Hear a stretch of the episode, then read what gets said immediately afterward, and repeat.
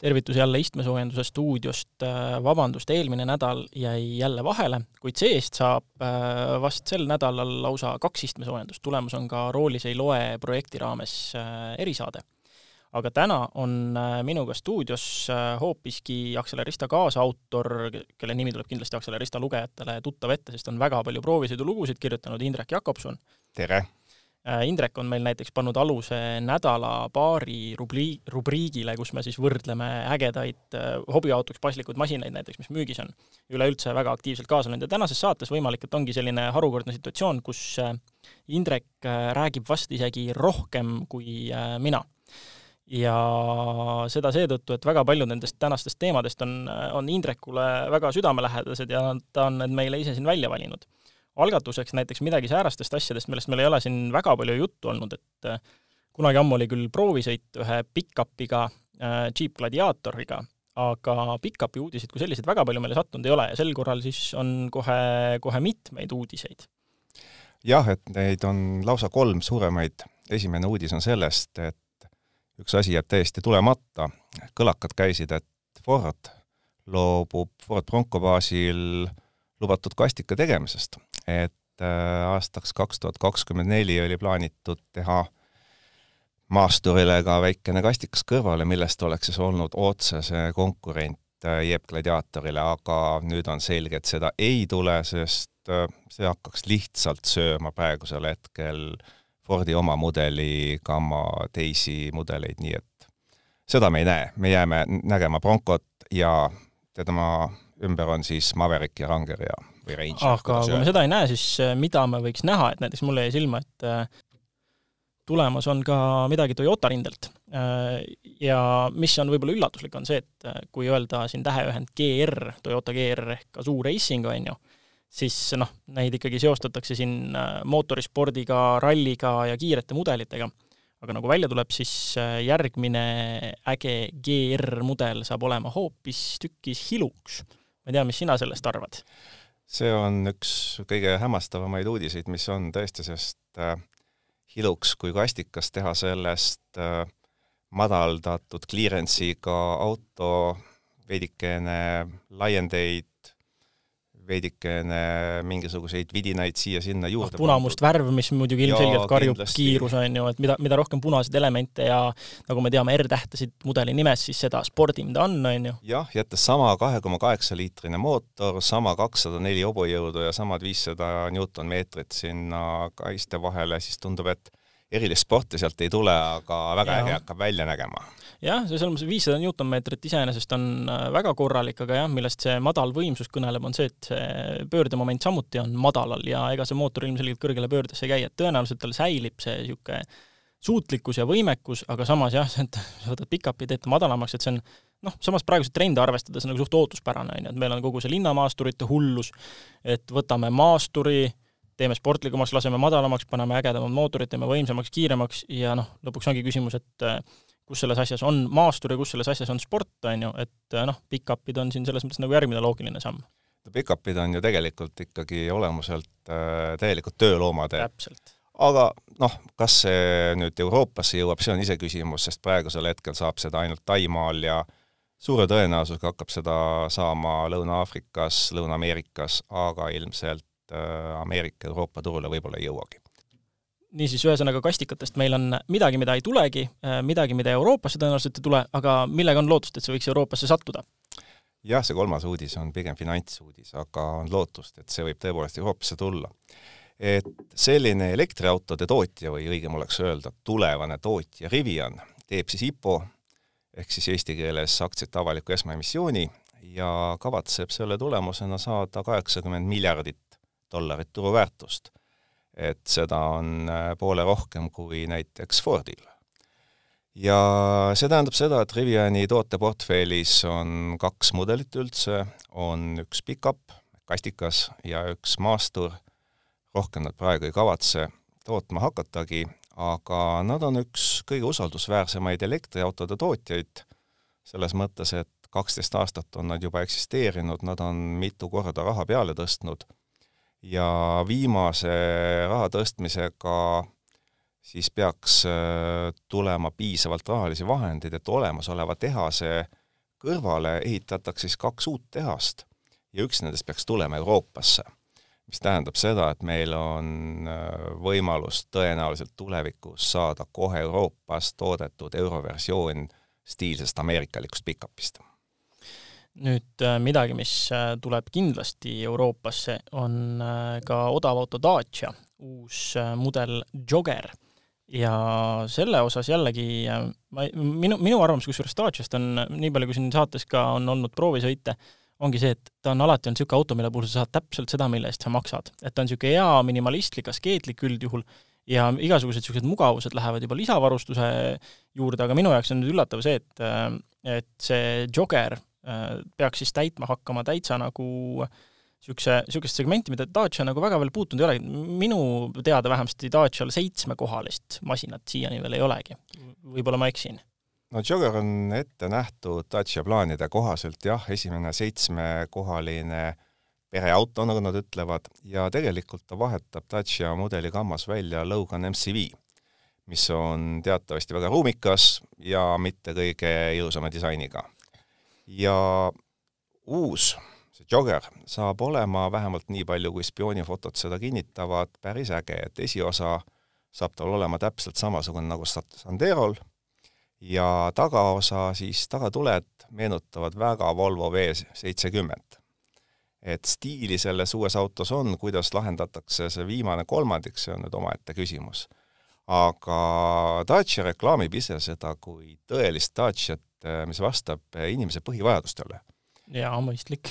ja seda nad on teinud, nad on pannud sinna kakskümmend sentimeetrit clearance'it, aga see on neli... iseenesest ju väga, väga palju sellise masina kohta. see on väga okei okay ütleme niimoodi, eriti kui sul nelikvedu ei ole. jaa, täpselt, kui ma nüüd äh, niimoodi mälust, äh, mälus kobamisi korra sobran, siis äh, siin Subaru erinevatel äh, maastikuvõimega masinatel on see clearance mingi kakskümmend kaks sentimeetrit äkki või? kakskümmend isegi on nagu pigem palju juba. no võtame näiteks Hyundai Tucson väga müüdud mudel, seitseteist sentimeetrit mm. -hmm aga Dacia suudab selle juures, kui tal on viis istet, panna sinna viienda istme taha veel seitsesada kaheksa liitrit pagasiruumi, nii et see saab olema väga mahukas auto ja ilmselt siis ka piisava läbivusega ja ka rohkem sellisel lihtsalt tööautolt tarvis ei olegi. oota, aga millal ta nüüd tulema peaks siis, et ma saan aru, et neil on hübriid plaanis millalgi hiljem? hübriid peaks tulema ülejärgmisel aastal, aga see uudismudel peaks juba Münchenis ehk paari päeva pärast avalikkuse ette tulema. ja teine huvitav asi, mis siit silma jääb, on see, et see Volvo tagatulede asi, et kui äh,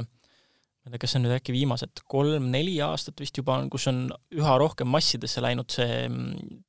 kriips tagatuli nagu noh, Panameradel ja Kiia Proceedidel ja asjadel oligi vahepeal seda Proceedi shooting break'i vaadata siis oligi niisugune, see on nagu niisugune Panassiid, et see on nagu väike niisugune mini-Panamera juba, et aga nüüd on peaaegu igal teisel masinal on see, see sirge tagatuli. et see huvitav, mis, vähemasti nagu selles mõttes tore lähenemine, et, et võtavad vahelduseks midagi, midagi muud kui see nagu nii-öelda hetketööstuse standard. jah, sest Dacial on äh, jõudu ja julgust minna oma teed, sest ta ei pea eriti väga muretsema, mida temast äh, kõige peenemas seltskonnas arvatakse tema pakub parima hinnaga autot ja see on tema lahendus. aga vast kõige suurem uudis või kas tegelikult isegi on, on see, et, et Volkswagen nüüd teatas ametlikult, et nemad äh, loobuvadki käsikastiga autode pakkumisest oma mudeli valikus. Veli, kas see ikka on uudis? no täpselt, on ju. et äh, kui nüüd mõtlema hakata, on ju, siis noh, mul siin paar päeva tagasi juba kolleeg Fortest küsis ka arvamust selle, selle uudise kohta ja mis ma seal oskan öelda, ongi see, et äh, praeguse seisuga juba paistab, et äh, noh, see käsikasti kadumine ei ole ju mingisugune noh, see tegelikult ei olegi üllatus. et see ei ole midagi, mida suure kella külge otseselt nagu panema peaks, sest et elektriautode puhul see käsikasti vajadus, noh, kui mõni üksik üritaja ja mingi ideeauto kõrvale jätta, siis ega elektriautodele käsikasti tegelikult ei topita niikuinii ega mingisuguseid ülekandeid, et äh, erandiks on siin mõned äh, noh, Porsche Taycanil näiteks on tagatelg on, on ju kahe erineva ülekandega aga sisepõlemismootori puhul ikkagi ongi just see ülekannetega paaritamine olnud vajalik ja noh, miks siis see nende käsitsi lülitamine nagu peaks enam teema olema, kui sa ei aja taga kahte asja, on ju. sul on sõidumõnu ja sul on äh, võib-olla siis ka odavus. aga samas see odavus ei ole nagu ka enam praegu eriti argument, on ju, et noh, siin masstootmise käigukastid, automaatkastid on juba nii odavad, et see ei ole enam suur argument, et sa hinna mõttes peaksid nüüd võtma mingi teise vari-, võtma käsikasti automaatkasti asemel, on ju. Mulle tundub see ka selline Volkswageni turundusosakonna pigem hapukurgihooaja lõpetuse uudis, et äh, kui vaadata tegelikult autode, autotootjate mudeligammas just käigukasti valikut, siis Renault uus Arcana ei tule mingi variandiga käsikastiga ja Renault ei tee sellest uudist, et talle ei paku, talle enam käsikasti ei pakuta. Jah, ja noh, ja kui mõelda siin laiemas plaanis, et kas käsikast on siis nüüd määratud hukule, no eks ta laias laastus tegelikult ju olegi, et ähm, autod liiguvad üha enam selles suunas, et nad äh, sihitakse inimestele, kellele tegelikult noh, kelle jaoks sõitmine ongi jälle kord üks ülesanne inimestele, kellele ei meeldi sõita, on ju. Ja teine asi on see, et tehnoloogia liigub niikuinii sinnapoole, et kui sisepõlemismootor ka päriselt ära surmatakse, siis ei ole ka mingit põhjust enam neid, äh, nendesse autodesse mingeid ülekandeid toppida. aga kui me vaatame nüüd sellist tulevikku veel, kui sisepõlemismootor elab, ehk siis aastani kaks tuhat kolmkümmend viis, siis äh, noh, mingisugune kolm-neli aastat tagasi Eesti automüügist, juba uute autode müügist, ma mõtlen, kaheksakümmend protsenti tuli automaatkastiga ja kakskümmend ainult käsikastiga ja see number kogu aeg kasvab automaatkasti kasuks. aga samas, kui võtta nagu mudelite kaupa, siis võtame jälle Hyundai eh, i kakskümmend uudismudel saab käsikastiga mm -hmm. ja väga kaua saab veel käsikastiga, sest hinnatundlik klient paratamatult eh, jääb eelistama käsikasti, sest ega tootja äh, peab tõele näkku vaatama, et kui tal on olemasolevad tehnoloogiad, siis käsikasti on ikkagi natuke odavam toota. ja nüüd, kui võtta tuleviku perspektiiviks see, et, et võib-olla säilib sisepõlemismootor mingil hetkel puhtamas vormis siis vesinikku põletava sisepõlemismootoriga, no siis on kindlasti ülekannetel veel seal oma koht, aga jällegi on see küsimus, et noh, mõnes entusiasti autos võib see käsikast küll säilida, aga ma ennustan seda, et variaatorkaste arendatakse niivõrd palju edasi, et nad ei ole enam sellised, noh, praegu nad on noh, ta on täpselt see asi, et ta on nagu paberil hullult hea, aga praktikas mitte, sest need ei ole saadud lihtsalt piisavalt arendada veel. teoorias on ju, on mis iganes valdkonna jaoks, säästlikkuse, mootorispordi jaoks, on variaatorkast ju justkui ideaalne. kui see tarkvara sinna juurde äh, suudaks äh, valida vastavalt oludele kõik õiged ülekanded, mis vaja, noh, ta suudakski sul hoida, on ju, mootorit pidevalt selles õiges magusas pöörete vahemikus, kasutada kõike kõige efektiivsemalt, see oleks ülihea nii säästlikkuse jaoks, see oleks ülihea ringiaegade jaoks, on ju aga tehnika ei ole nii kaugel lihtsalt. aga ma kahtlustan, et see variaatorkast saab olema siis see, see käigukast, mis äh, läheb äh, massidesse siis, kui seda nüüd edasi arendatakse tulevikus. väga tõenäoline ja kui tulla veel tagasi sellesama Dacia juurde, siis äh, uus Jogger tuleb esialgu välja ainult käsikastiga ja Dacia ei tee sellest mitte mingisugust probleemi ja noh, siin on nüüd äh, minul täiesti kõrvalmõte, et jällegi see, see turunduse lugu, et et üks näide, mida ma siin toonud olen, äh, ma ei saa nüüd öelda just, et turunduse apsakast, aga lihtsalt mind ennast on pannud muigama, et noh, Porsche on ju oma üheksa üks üks GT3-dega, mis äh, ja noh, siis GT2 ja RS ja RS versioonid neist veel, peaks ju olema justkui on ju kõige jõhkram tänavalegaalne rajarelv. aga üllatuslik on see, et alles nüüd see viimane GT3 põlvkond läks ka esisillal üle siis topelttõõtsarkvedrustusele mis tegelikkuses on ainuaktsepteeritav äh, veermikulahendus üldse nii tõsisele asjale. senikaua nad olid sõitnud MacPhersoni najal, ma ei teagi, mis, mis see piirang oli, miks inseneridel ei lubatud minna õigele lahendusele üle, aga see on jälle see koht, et kus äh, ma mõtlen, et noh, et kui mina oleks see turundusjuht Porsches, siis ma oleks selle nii maha vaikinud kui võimalik ja lootnud, et mitte keegi ei märka, et alles nüüd tänapäeva tuldi. aga raha osatakse ilusti küsida, on ju. et siin ja. ei saa nagu noh, kahelda, et asi on, asi on kiire ja nii edasi aga noh, alustame ikkagi äh, juba õigest lahendusest, mitte ärme suru siin äh, erinevaid osi korsetti ja ütle, et kõik on väga hästi. aga noh, selline, selline ütleme nii-öelda kõrvalepõige. aga kui võtta nüüd selle nädala proovisõiduauto, siis jälle kord mina saan olla rohkem, äh, rohkem kuss ja Indrek saab rääkida, sest et Indrekul õnnestus käia Soomes proovida Hyundai Ioniq viite. minuni see masin veel jõudnud ei ole nii et ma saangi siin kehastuda siis selleks, ütleme, ma ei tea, potentsiaalseks ostjaks või äh, kelleks iganes, kes, keda see auto huvitab, aga see-eest ma alustan sellest, et ma ikkagi need äh, tehnilised näitajad loen ette. et seda masinat äh, pakutakse kahe akupakiga, viiskümmend kaheksa ja seitsekümmend kolm kilovatt-tundi, ja võimsuseks siis kas kakssada seitseteist või kolmsada viis hobujõudu. Ja seda masinat saab nii taga- kui nelikveolisena ja tal on äh, massiks, noh, nagu elektriautole ikka, ta on raske, kaks tuhat ükssada kilogrammi, ja ootamatul kombel on niisugune huvitav masin, et ta näeb välja nagu sellised, ütleme noh, mis iganes, Volkswagen Golf, niisugused, ütleme, kuumpärade, selle kuumpärade kõrgajastu niisugused ägedad luukpärad aga ta on tegelikult maru suur, et ta on äh, üle nelja koma kuue meetri pikk näiteks. ja hinnaklass, noh, ütleme laias laastus viiskümmend kuni kuuskümmend tuhat eurot, et ikkagi suhteliselt korralik. Need on need, äh, ütleme, tähtsamad numbrid.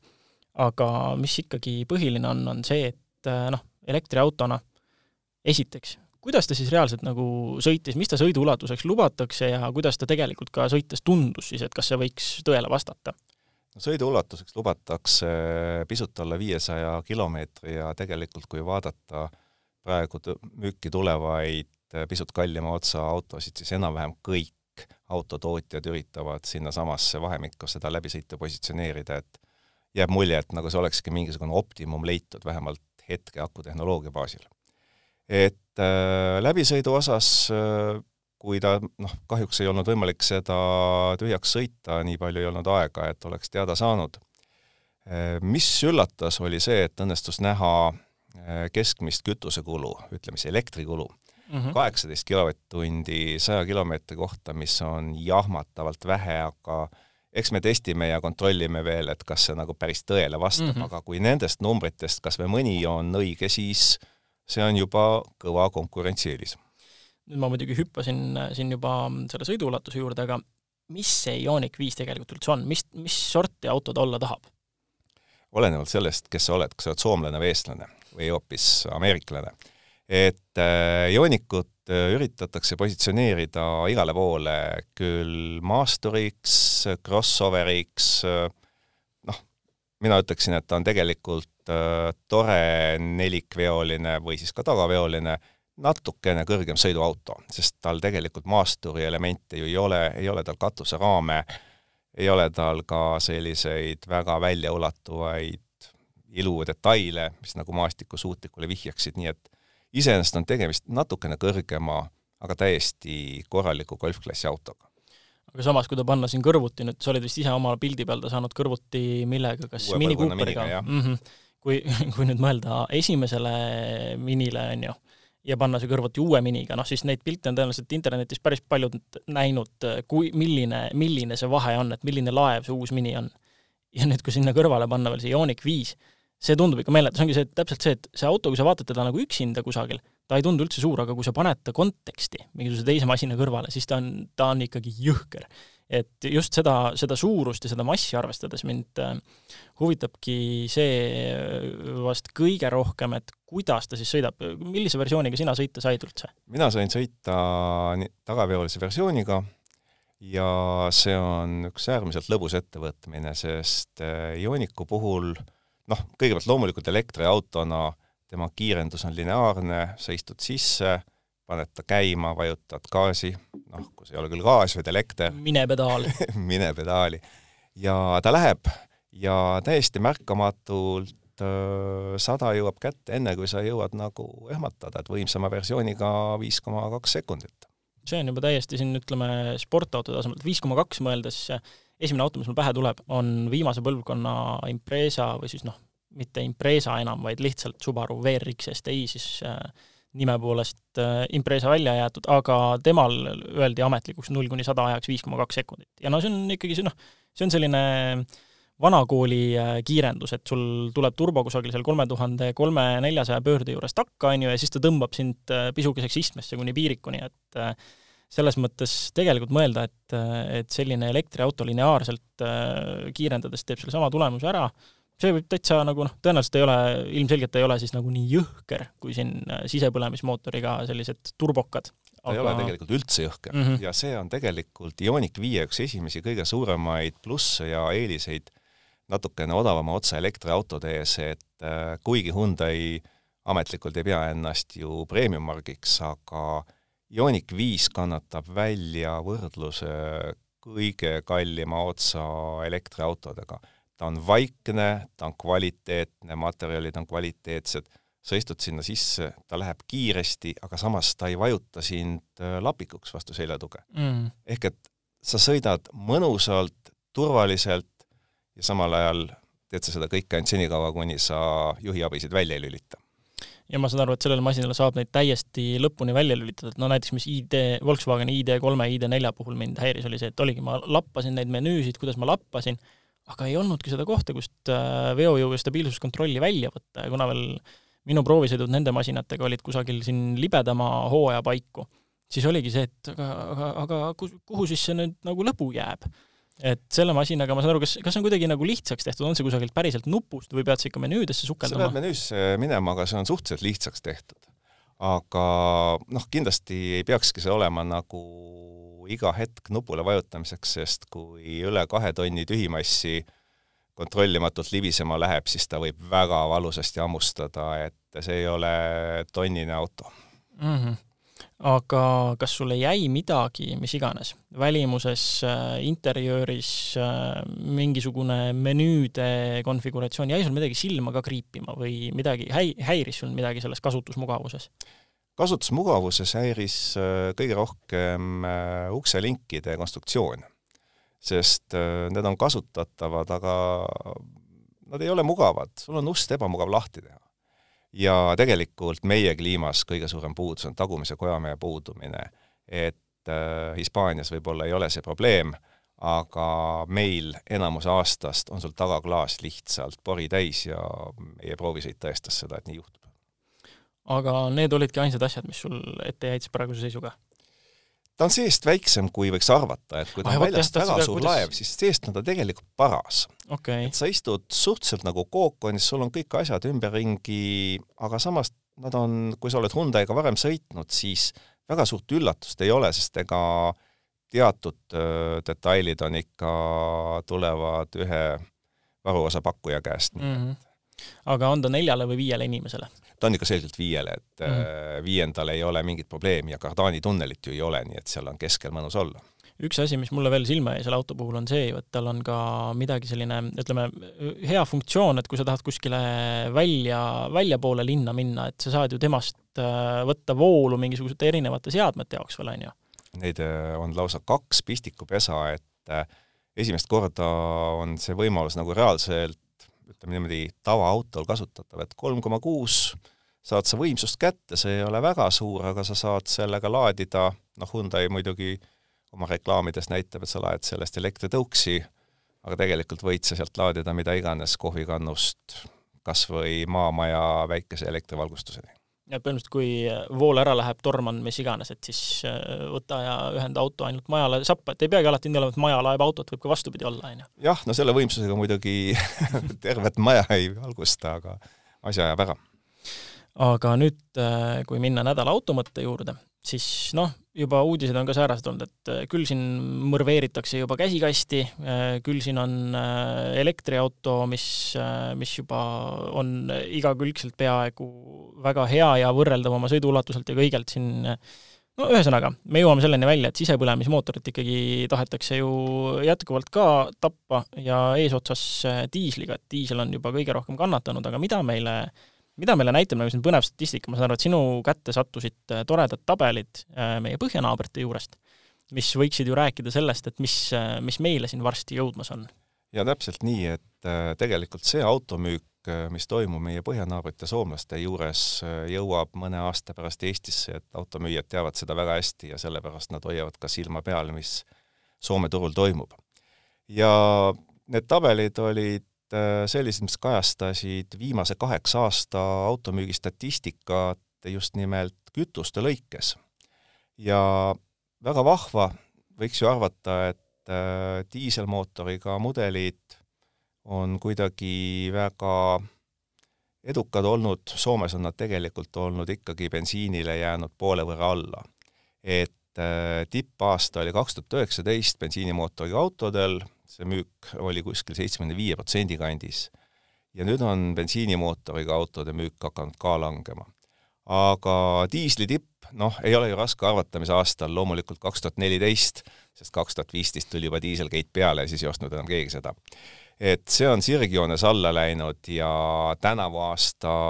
esimese seitsme kuu keskmine on kuus protsenti kogu automüügist ainult diislit, nii et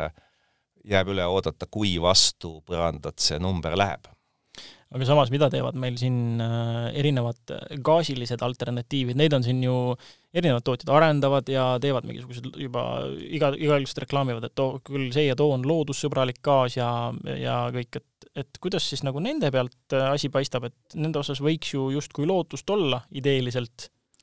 Tõenäoliselt maailma mastaabis äh, ei ole piisavalt head pakkumist, sest noh, CNG ja ei ole Soome turul saavutanud rohkem kui kuskil paariprotsendilist osatähtsust. ja CNG osatähtsus jälle langeb. ja see on tegelikult hästi loogiline, sest suurim tootja Volkswagen on ju öelnud, et nemad uut põlvkonda CNG-d enam välja ei tööta, olemasoleva tehnoloogiaga jätkavad, kuni sellele kliente on, aga paistab, et eriti kaua ei ole aga samas ütleme siin äh, rasketransport, veokid, mis iganes äh, muid asju panna liikuma, noh siin bussides ju kasutatakse ka gaasi, on ju, et kas, kas siis see tõenäoliselt ikkagi kukub ka siin ära või mis sellest üldse saada võiks, et vahepeal, vahepeal nagu lugedes erinevaid lahen-, lähenemisi, mida kütusetootjad võtavad, siis tundus, et isegi see CNG võiks rasketranspordi jaoks just täiesti adekvaatne asi olla ega ta rasketranspordile ei anna ju olulist eelist diiselkütuses, välja arvatud see, et kui teda saab klassifitseerida roheliseks kütuseks. et iseenesest tal ju mingisugust suurt eelist ei ole, miks peaks eelistama CNG-d diiselkütusele. aga rasketransport, veoautod, suured autobussid, need käivad hoopis teisi maailmi pidi kui sõiduauto müük samas nüüd sõiduautode juurde tagasi tulles, siis äh, küll siin ühtlustub see müük statistika põhjal vaikselt elektri ja sisepõlemise vahel, aga millal need hinnad ühtlustuda võiksid, siin mõnigi tootja on öelnud, et oi, ei lähe üldse kaua aega ju, kui elektriautod ja sisepõlemismootoriga autod maksavad sama palju. kui nüüd natukene seda statistikat ekstrapoleerida, ehk et äh, puhtmehaaniliselt vaadata, kuidas trendid jooksevad, siis ega neli-viis aastat võib selle järgi üsna täpselt öelda, on see aeg, kui müük on elektri- ja bensiinimootoriga autode vahel võrdne. ja see tähendab seda, et siis on ka enam-vähem hinna ja väärtuse suhe paigas, ehk mõlemil enam-vähem võrdselt. samas äh, palju on räägitud sellest, et äh, noh, räägitakse küll, et äh, elektriautode hinnad võrdsustuvad, aga ei ole nagu täpsustatud, et kuhu poole. et vaadates seda, siis ongi see, et sisepõlemismootoriga autode hinnad muudkui lähevad tegelikult üles just äh, puhtalt selle rohekola pärast, mida neile peale laotakse, ja noh, ja hoolimata sellest, et toimub jõuline konsolideerimine, siis nende hindasid äh, ikkagi niimoodi alla tõmmata ei õnnestu, et ongi, juhtubki vist tegelikkuses ju see, et auto ikkagi muutub lihtsalt äh, jällegi üha kallimaks, vaata et luksusesemeks. aga see on tegelikult protsess, mis on toimunud viimased aastad ja ma arvan, meil ei ole vaja oodata kahe tuhande kolmekümne viiendat aastat, et ootame Euro seitse normatiivid ära ja see peaks juba sisepõlemismootori lihtsalt kinni kägistama. ühesõnaga, säärane tulevik siis praeguse seisuga meil ees, aga tulevikust järgmisel nädalal kuulame jälle, aitäh! aitäh!